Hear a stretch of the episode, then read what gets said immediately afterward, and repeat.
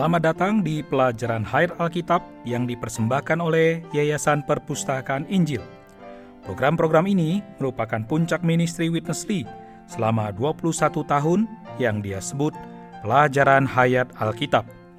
Pelajaran hayat ini berfokus pada kenikmatan akan Kristus sebagai hayat ilahi sebagaimana yang diwahyukan dalam Alkitab. Kami berharap melalui pelajaran ini anda akan dibawa ke dalam kenikmatan yang lebih dalam akan Alkitab dan Tuhan Yesus kita yang terkasih dan mustika. Anda dapat menghubungi kami melalui website pelajaranhayat.com. Sekarang, mari kita ikuti program hari ini. Saya mendorong semua pendengar kita untuk membuat konsekrasi yang baru dengan berkata, Tuhan Yesus, Aku ingin mempersembahkan seluruh hidupku kepadamu. Aku mau menikmati Engkau sepenuhnya dalam pelaksanaan kehidupan gereja, sehingga tubuh Kristus dapat terbangun untuk memuaskan hasrat hatimu. Ini adalah kehendak Allah yang terbesar di alam semesta, dan untuk kehendak inilah kita menjalani hidup di bumi ini. Yayasan Perpustakaan Injil menyambut Anda dengan pelajaran Hayat Alkitab bersama Witness Lee yang telah dengan setia bekerja selama lebih dari 70 tahun sebelum meninggal pada bulan Juni 1997.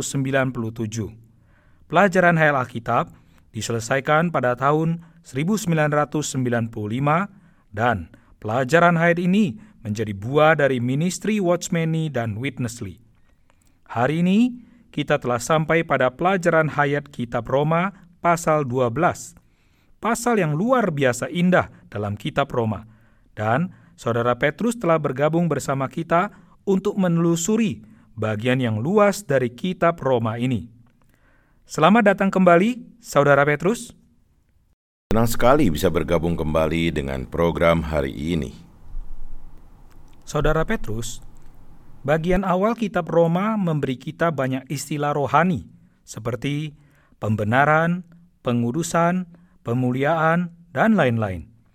Kita sudah melihat makna yang lebih dalam dari istilah-istilah tersebut pada program-program sebelumnya. Dan kita akan memulai pelajaran hari ini dengan menunjukkan bagaimana proses hayat yang kita alami ini benar-benar memiliki tujuan yang berkaitan dengan pelaksanaan kehidupan kita. Apa yang akan kita lihat dari hal ini, Saudara Petrus? Pengudusan adalah proses hayat, dan proses ini mengacu kepada proses keselamatan kita dalam hayat Kristus. Dia menguduskan kita seluruhnya, berarti Dia menambahkan dirinya sendiri dalam sifat kudusnya ke dalam roh kita, ke dalam jiwa kita, dan ke dalam tubuh kita. Pengudusan ini adalah suatu proses hayat, sarana yang olehnya kita dipenuhi dengan hayat Kristus. Sasaran dari proses ini adalah pelaksanaan hayat, dan pelaksanaan hayat ini adalah kehidupan gereja.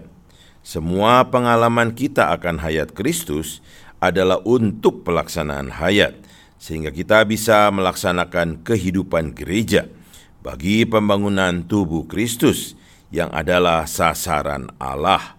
Inilah yang akan kita lihat dalam program kita hari ini. Terima kasih, Saudara Petrus. Mari kita mendengarkan kembali kutipan Saudara Witness Lee mengenai pelajaran Hayat Kitab Roma pasal 12 yang luar biasa ini. Now, we come Sekarang kita tiba pada bagian yang paling real dalam surat Roma, yakni bagian pengubahan atau transformasi. Pengubahan adalah untuk pelaksanaan hayat. Untuk pelaksanaan hayat, kita memerlukan pengubahan. Sebab pelaksanaan hayat yang wajar sama sekali tak mungkin dilakukan oleh hayat alamiah kita. Segala sesuatu yang alamiah sama sekali tak berguna bagi pelaksanaan hayat. Unsur-unsur alamiah harus diubah menjadi rohani dan kudus. Karena itu, untuk pelaksanaan hayat, kita perlu pengubahan yang menyeluruh. Selain itu, Alkitab menyatakan bahwa masalah pelaksanaan hayat yang paling utama berkaitan dengan kehidupan gereja, yaitu kehidupan tubuh. Kehidupan gereja lokal merupakan pelaksanaan kerajaan Allah di bumi hari ini. Banyak orang yang disebut orang Kristen rohani sungguh-sungguh mengasihi Tuhan dan juga menuntut pertumbuhan hayat sesuai dengan ajaran Roma pasal 6 dan 8. Namun setelah pasal 8, bahkan setelah pasal 11, masih ada satu bagian lain yang menunjukkan bahwa sekalipun kita telah memiliki standar Roma pasal 8, itu masih ada kekurangannya sebab masih belum ada kehidupan gereja. Pengalaman-pengalaman rohani seperti pengudusan, pemuliaan, dan penyerupaan semuanya tidak dapat berdiri sendiri. Pengudusan bukan untuk pengudusan saja.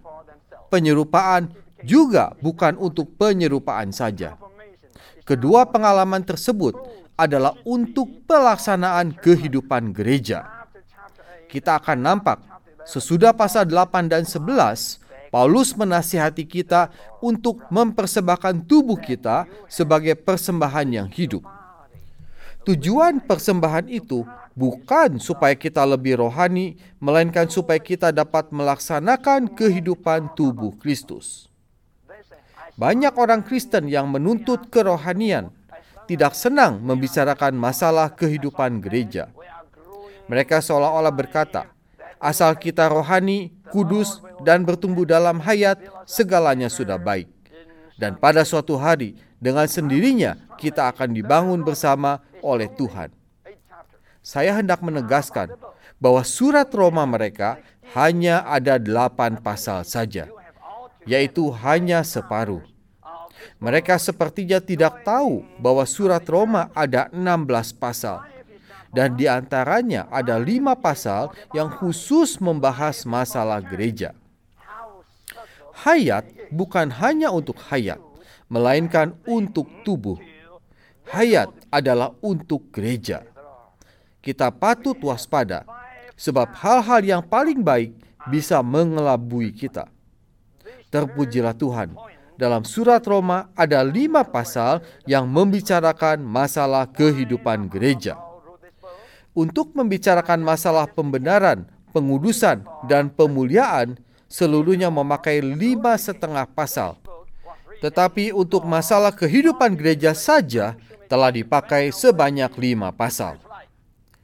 Saya akan menunjukkan bahwa masalah gereja adalah perkataan penutup dari Paulus dalam surat Roma. Kalau kita mendengarkan perkataan orang, kita selalu ingin mendengarkan kata-katanya yang terakhir – Kata-kata terakhir dari surat Roma ialah mengenai gereja. Sebab itu, kalau Anda berhenti di Roma pasal 8, Anda akan rugi besar. Dan Anda tak dapat mendengarkan kata-kata terakhir dari Paulus. Kita harus maju terus untuk mendengarkan kata-kata penutup dari Paulus. Mengapa Paulus menulis surat Roma? Ia menulis surat ini tidak hanya untuk membahas masalah pembenaran, pengudusan, atau pemuliaan. Target tertinggi dan terakhir dari surat Roma ialah kehidupan gereja. Kesimpulan surat Roma ialah gereja.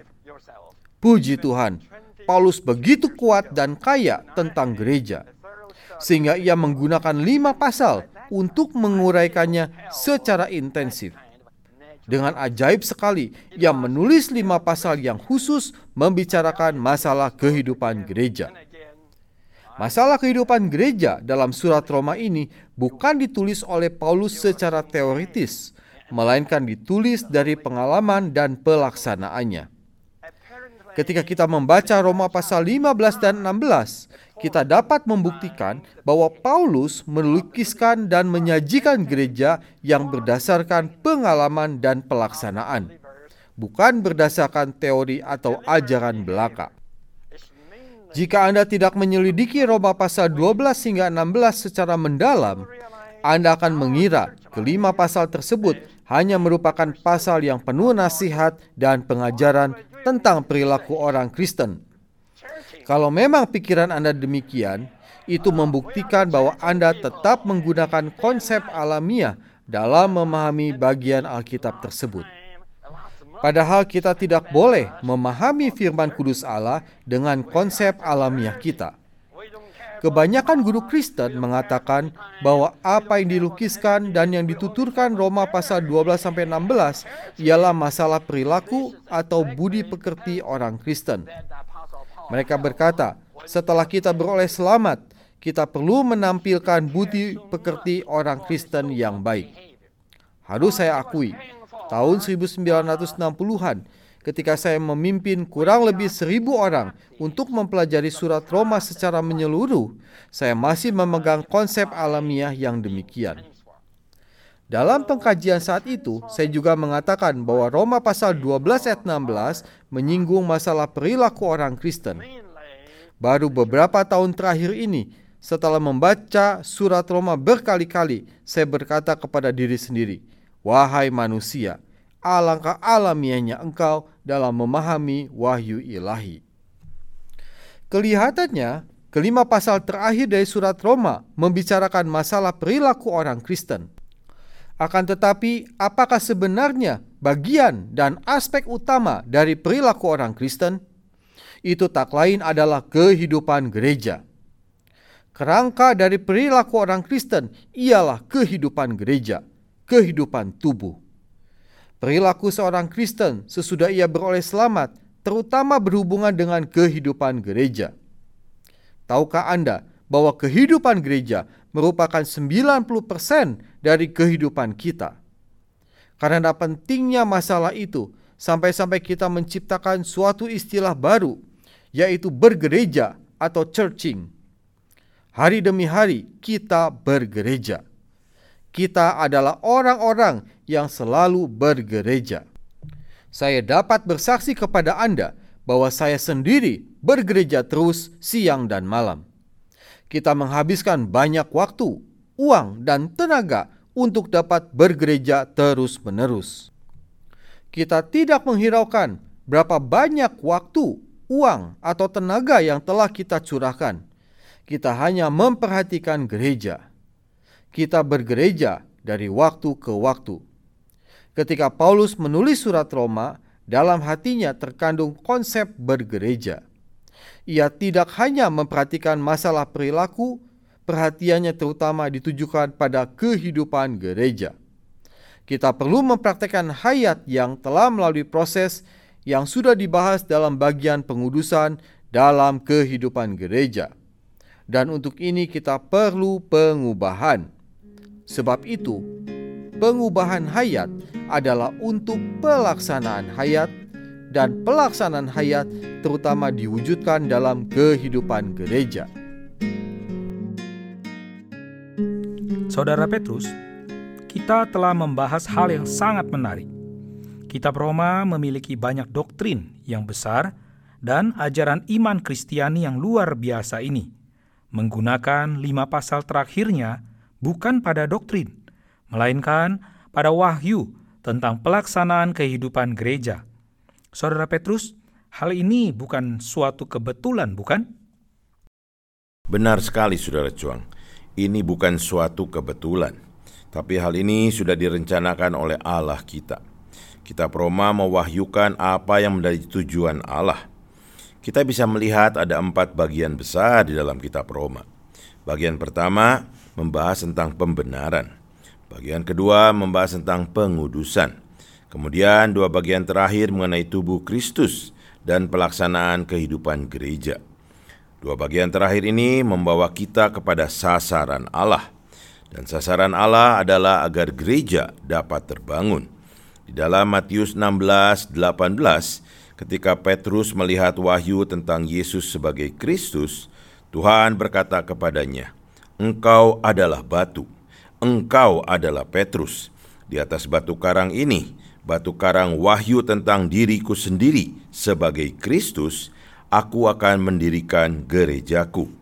Inilah kehendak Allah dan tujuan Allah. Dia menginginkan gerejanya terbangun. Dia menginginkan tubuh Kristus terbangun. Semua pengalaman hayat kita dan kenikmatan kita akan Kristus adalah bagi pembangunan tubuh Kristus. Pengudusan adalah proses hayat, tetapi sasaran kita dikuduskan dan sasaran Allah menyalurkan dirinya sendiri ke dalam seluruh diri kita adalah agar kita dapat dibawa kepada pelaksanaan hayat, yaitu kehidupan gereja. Pengubahan atau transformasi adalah bagi pelaksanaan hayat. Tujuan kita ditransformasi secara batinia adalah untuk kehidupan gereja. Di satu sisi, kita tidak dapat melaksanakan kehidupan gereja tanpa ditransformasi terlebih dahulu. Di sisi lain, kita tidak dapat benar-benar ditransformasi oleh Tuhan tanpa pelaksanaan kehidupan gereja. Jadi, keduanya adalah sebuah siklus. Di satu sisi, kita ditransformasi untuk pelaksanaan kehidupan gereja. Di sisi lain, ketika kita melaksanakan kehidupan gereja, kita lebih banyak ditransformasi secara metabolis menjadi anggota tubuh Kristus yang hidup dan berfungsi. Mari kita mendengarkan kembali kutipan Witness Lee untuk mempelajari lebih lanjut pelajaran hayat hari ini. I have to give a little definition about the word transformation. Sebelum kita meninjau Roma pasal 12 ayat 1 sampai 2, saya ingin memberikan definisi istilah transformasi atau pengubahan. Istilah ini adalah istilah yang baik. Dalam bahasa Yunani, istilah ini mencakup arti mengalami perubahan.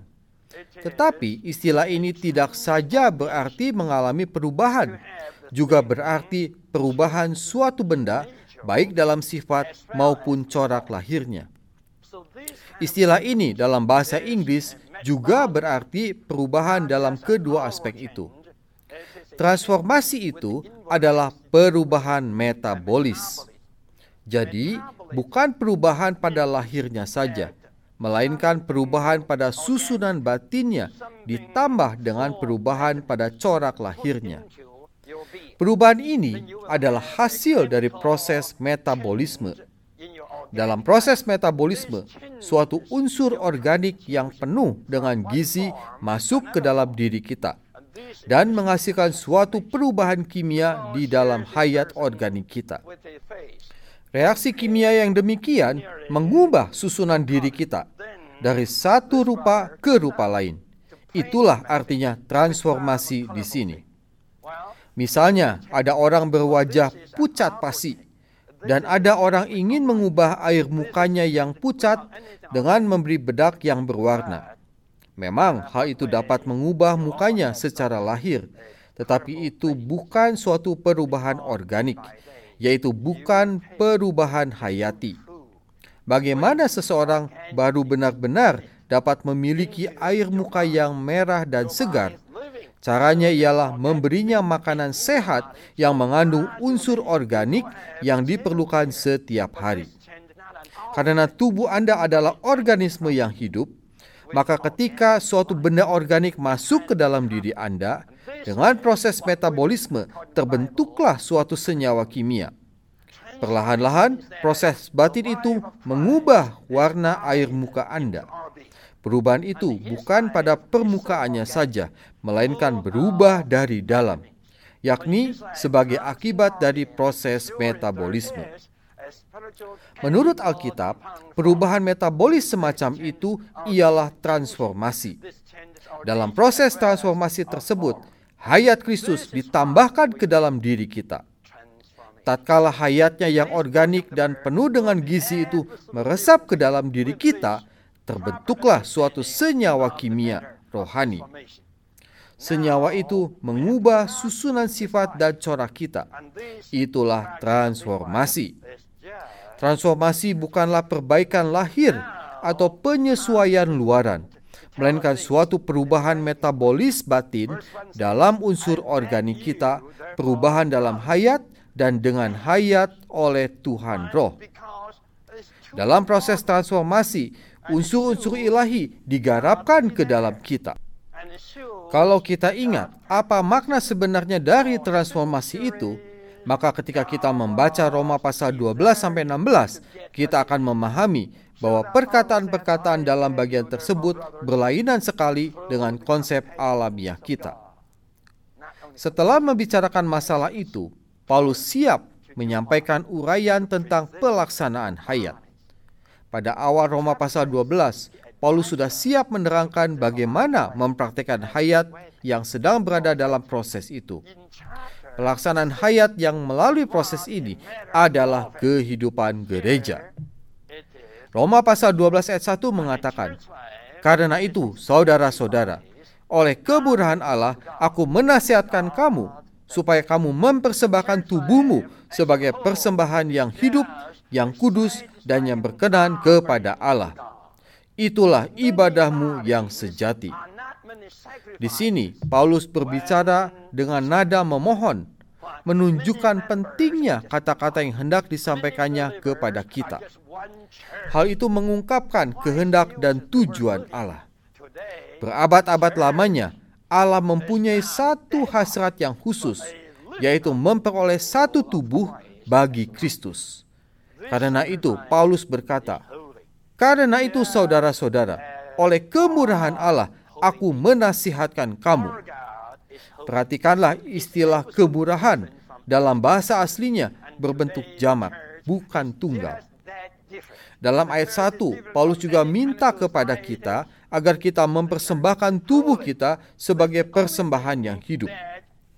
Dalam pasal 6 ayat 13 dan 19, Paulus menganjurkan kita mempersembahkan anggota tubuh kita sebagai senjata untuk perang dan sebagai hamba untuk melayani. Karena Roma pasal 6 membicarakan peperangan dan pelayanan. Akan tetapi dalam kehidupan gereja terdapat masalah persembahan, yaitu mempersembahkan diri agar Allah dipuaskan. Walaupun yang dipersembahkan adalah banyak tubuh, tetapi persembahannya hanya satu. Mengapa terdapat banyak tubuh, namun persembahannya hanya satu? Karena banyak anggota itu adalah satu tubuh, dan banyak orang beriman adalah satu gereja. Apa sebabnya Paulus memakai istilah hidup?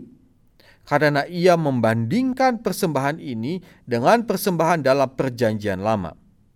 Persembahan dalam Perjanjian Lama disembeli lebih dulu, tetapi gereja bukan suatu persembahan yang tersembelih, melainkan persembahan yang hidup yang dipenuhi Kristus sebagai hayat. Setelah itu, persembahan ini pun kudus, terpisah dari hal-hal umum dan memiliki sifat ilahi. Allah kita kudus. Ia mutlak berbeda dan terpisah dari segala hal. Sifat kudus Allah telah digarapkan ke dalam segenap anggota tubuh. Karena tubuh ini kudus dan unik, berbeda dengan berbagai macam perkumpulan, asosiasi, dan setiap macam organisasi kemasyarakatan. Tubuh ini kudus dan segala hal yang umum tidak dapat dimasukkan ke dalamnya. Karenanya, persembahan ini adalah satu-satunya perkara yang diperkenan Allah dan bagi tubuh Kristus. Mempersembahkan diri kita kepada Allah sebagai persembahan yang hidup adalah suatu ibadah yang paling wajar. Melakukan perkara apa saja yang bukan kehidupan gereja adalah bodoh tetapi mengesampingkan segala perkara bagi kehidupan gereja adalah yang logis dan wajar. Kalau saya mempunyai 100 jiwa, akan saya serahkan seluruhnya untuk kehidupan gereja. Namun saya tidak mau memberikan hidup saya walau sedikit saja untuk urusan duniawi. Sebab berbuat demikian adalah bodoh. Mempersembahkan diri kita untuk kehidupan gereja adalah pelayanan yang paling wajar. Saudara Petrus, kata pertama dalam Roma pasal 12 memberi kita dua pemikiran yang tampaknya tidak berhubungan sama sekali. Pertama, perkara mempersembahkan tubuh kita sebagai persembahan yang hidup. Dan kedua, mengenai transformasi. Saudara Petrus, saya yakin bahwa kedua hal ini sebenarnya berhubungan, bukan? Sangat berhubungan. Mengapa kedua hal ini sangat berhubungan? Memang transformasi itu terjadi di dalam jiwa kita Tapi jiwa kita selalu mengikuti ke mana tubuh kita pergi. Jadi kita harus mempersembahkan tubuh kita kepada Allah Sebagai persembahan yang hidup. Sekarang dalam pelaksanaannya kita mempersembahkan tubuh kita kepada Allah Sebagai persembahan yang hidup bagi pelaksanaan kehidupan gereja. Ini berarti kita perlu mempersembahkan tubuh kita untuk pertemuan-pertemuan gereja dan pertemuan-pertemuan di rumah kita. Kita perlu mempersembahkan tubuh kita untuk melayani Tuhan di dalam tubuh Kristus. Kemudian dalam Roma 12:2 dia menunjukkan ketika kita mempersembahkan tubuh kita, kita akan ditransformasi oleh pembaruan pikiran. Artinya, jika tubuh kita berada di tempat yang tepat untuk berhimpun bersama kaum beriman yang lain, untuk memuaskan hasrat hati Allah, yaitu membangun tubuh Kristus, maka kita akan mengalami transformasi. Dan saya ingin mengatakan bahwa transformasi adalah mukjizat yang luar biasa. Apakah yang terjadi dalam transformasi? Saat kita terbuka kepada Tuhan, dan mengizinkan Dia menyalurkan dirinya ke dalam kita. Ada metabolisme rohani yang terjadi di dalam kita. Kita diubah secara metabolis dalam hayat menjadi ciptaan baru. Transformasi ini bukanlah perkara perubahan perilaku kita. Contohnya, ada seorang perias jenazah mengambil tubuh jenazah itu dan meriasnya agar terlihat bagus. Tetapi jenazah tetap saja jenazah. Allah tidak melakukan itu kepada kita. Dia menginfuskan kita dengan dirinya sendiri sebagai makanan rohani kita untuk mengubah kita secara metabolis sehingga penampilan luaran kita akan terlihat sehat dan indah, menampilkan hayat ilahi yang terpancar dari seluruh diri kita. Inilah transformasi. Ini terjadi ketika kita mempersembahkan tubuh kita kepada Tuhan sebagai persembahan yang hidup bagi pelaksanaan kehidupan gereja. Terima kasih Saudara Petrus. Mari kita mendengarkan kembali kutipan Saudara Witness Lee untuk menyimpulkan pelajaran hayat hari ini. Ketika Paulus mulai membahas masalah kehidupan gereja, ia minta kaum beriman mempersembahkan tubuh mereka. Karena sebagai manusia, tidak ada perkara lain yang lebih real dan praktis daripada tubuh kita. Kalau tubuh Anda tidak ada dalam kehidupan gereja, jangan berkata bahwa Anda adalah untuk kehidupan gereja. Kita harus tahu bahwa kita berada di dalam tubuh. Di mana tubuh kita berada, di situ pula manusia kita berada. Karena itulah Paulus minta agar saudara-saudara mempersembahkan tubuh mereka. Jika Anda benar-benar hidup dalam kehendak dan tujuan Allah, Anda perlu mempersembahkan tubuh Anda. Roma pasal 12 ayat 2 mengatakan, Janganlah kamu menjadi serupa dengan dunia ini, tetapi berubahlah oleh pembaharuan budimu, sehingga kamu dapat membedakan mana kehendak Allah, apa yang baik, yang berkenan kepada Allah dan yang sempurna. Paulus menganjuri kita, janganlah menjadi serupa dengan zaman ini. Apakah artinya zaman ini? Zaman adalah kehidupan dunia yang real pada saat ini, yang bertentangan dengan dan menggantikan kehidupan gereja. Seluruh dunia merupakan sistem yang disusun oleh iblis. Setiap zaman memiliki modelnya sendiri. Kata modern dalam bahasa Inggris memiliki arti yang sama dengan istilah zaman dalam bahasa Yunani. Jadi, janganlah menjadi serupa dengan zaman ini. Boleh diterjemahkan, janganlah menjadi modern. Modernisasi berarti bermode dan menjadi serupa dengan zaman sekarang. Kita tidak boleh menjadi serupa dengan zaman ini tetapi harus berubah oleh pembaharuan pikiran kita. Pikiran dalam Roma pasal 12 berbeda dengan pikiran dalam Roma pasal 7 dan 8.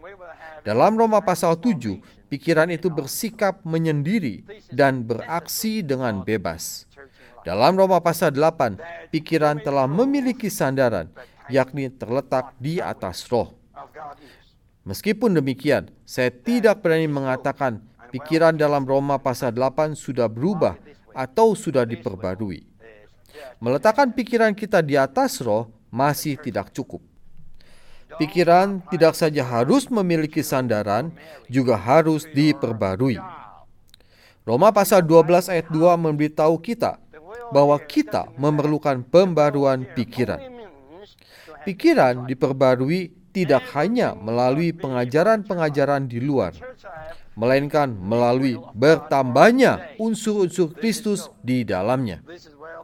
Bila Tuhan Yesus memperluas dirinya dari roh kita ke pikiran kita, maka pikiran kita akan diperbarui.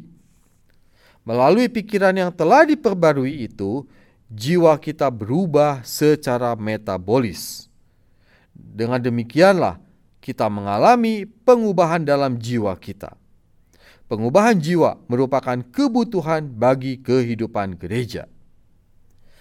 Kita perlu pembaruan pikiran dan pengubahan jiwa supaya kita dapat membedakan manakah kehendak Allah, apa yang baik, yang berkenan kepada Allah, dan yang sempurna.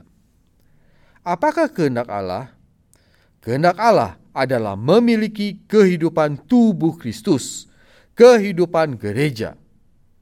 Jangan Anda menerapkan kehendak Allah dalam Roma pasal 12 ayat 2 untuk keadaan insani pribadi Anda.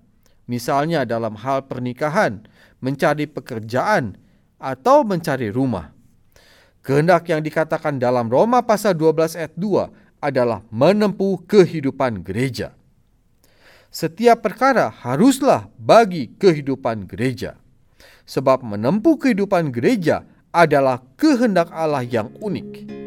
Itulah yang baik, yang berkenan, dan yang sempurna, dan hal itu untuk kehidupan tubuh Kristus. Saudara Petrus, saya ingin kembali pada poin di akhir kutipan saudara Witness Lee, dan itu adalah kehendak Allah agar kita mempersembahkan tubuh kita. Sangat umum kita mendengarkan orang Kristen berbicara tentang mencari kehendak Allah untuk kehidupan mereka. Tetapi jarang sekali kita mendengar ada orang yang mencari tahu apa sesungguhnya kehendak Allah itu. Saudara Petrus, ada perbedaan yang besar antara kedua hal ini, bukan? Ya, Saudara Cuang. Seringkali kita hanya mementingkan kebahagiaan atau keinginan kita sendiri. Kita sering berpikir, apa yang bisa Allah lakukan untuk memuaskan aku, untuk membuatku bahagia? Tentunya Allah ingin membuat kita bahagia, tapi kita harus masuk lebih dalam dan menyadari bahwa Allah juga memiliki suatu kedambaan jadi sebagai kaum beriman dalam Kristus, sebagai anggota tubuhnya, dan sebagai orang yang mengasihi Tuhan, kita tidak ingin menjadi orang yang egois, tetapi dapat menjadi orang yang berkata, Tuhan, bagaimana saya dapat memuaskan kedambaanmu? Apa yang menjadi kehendakmu di alam semesta ini? Saya ingin menunjukkan tiga bagian dari Alkitab yang berbicara tentang kehendak besar Allah di alam semesta ini. Bagian pertama di dalam Ibrani 10, 5 sampai 10, di mana Kristus berkata, Aku datang untuk melaksanakan kehendakmu, ya Allahku. Dan apa yang diungkapkan bagian ini adalah bahwa Kristus datang sebagai realitas dari semua persembahan dan kurban-kurban dalam perjanjian lama. Dia mempersembahkan dirinya di atas salib karena dosa-dosa kita sehingga kita dapat menikmati Dia sebagai segala sesuatu bagi kita. Jadi, aspek pertama dari kehendak Allah adalah agar kita dapat menikmati Kristus sebagai segala sesuatu bagi kita. Kemudian, Efesus pasal 1 berbicara tentang rapat kehendak Allah, misteri kehendak Allah, dan kerelaan kehendak Allah. Kitab Efesus mewahyukan bahwa kehendak Allah adalah tubuh Kristus. Dia ingin gereja terbangun sebagai tubuh Kristus bagi ekspresinya. Roma 12:2 berbicara tentang kehendak Allah, yaitu kehendak Allah yang baik dan sempurna. Kehendak Allah adalah agar kita memiliki pelaksanaan kehidupan gereja. Jadi, ketika Anda menggabungkan kitab Ibrani, Efesus, dan Roma, kita melihat bahwa kehendak Allah bagi kita adalah agar kita menikmati Kristus sebagai segala sesuatu kita dalam pelaksanaan kehidupan gereja bagi pembangunan tubuh Kristus. Saya ingin mendorong semua pendengar untuk membuat konsekrasi yang baru dan berkata, "Tuhan Yesus, aku ingin mempersembahkan seluruh hidupku untukmu. Aku mau menikmati Engkau sepenuhnya dalam pelaksanaan kehidupan gereja, sehingga tubuh Kristus dapat terbangun." untuk memuaskan kedambaan hatimu. Inilah kehendak besar Allah di alam semesta, dan untuk inilah kita hidup di bumi. Terima kasih atas persekutuan Anda hari ini. Besok kita akan kembali dengan pelajaran hayat yang luar biasa dari Kitab Roma bersama Saudara Witness Lee.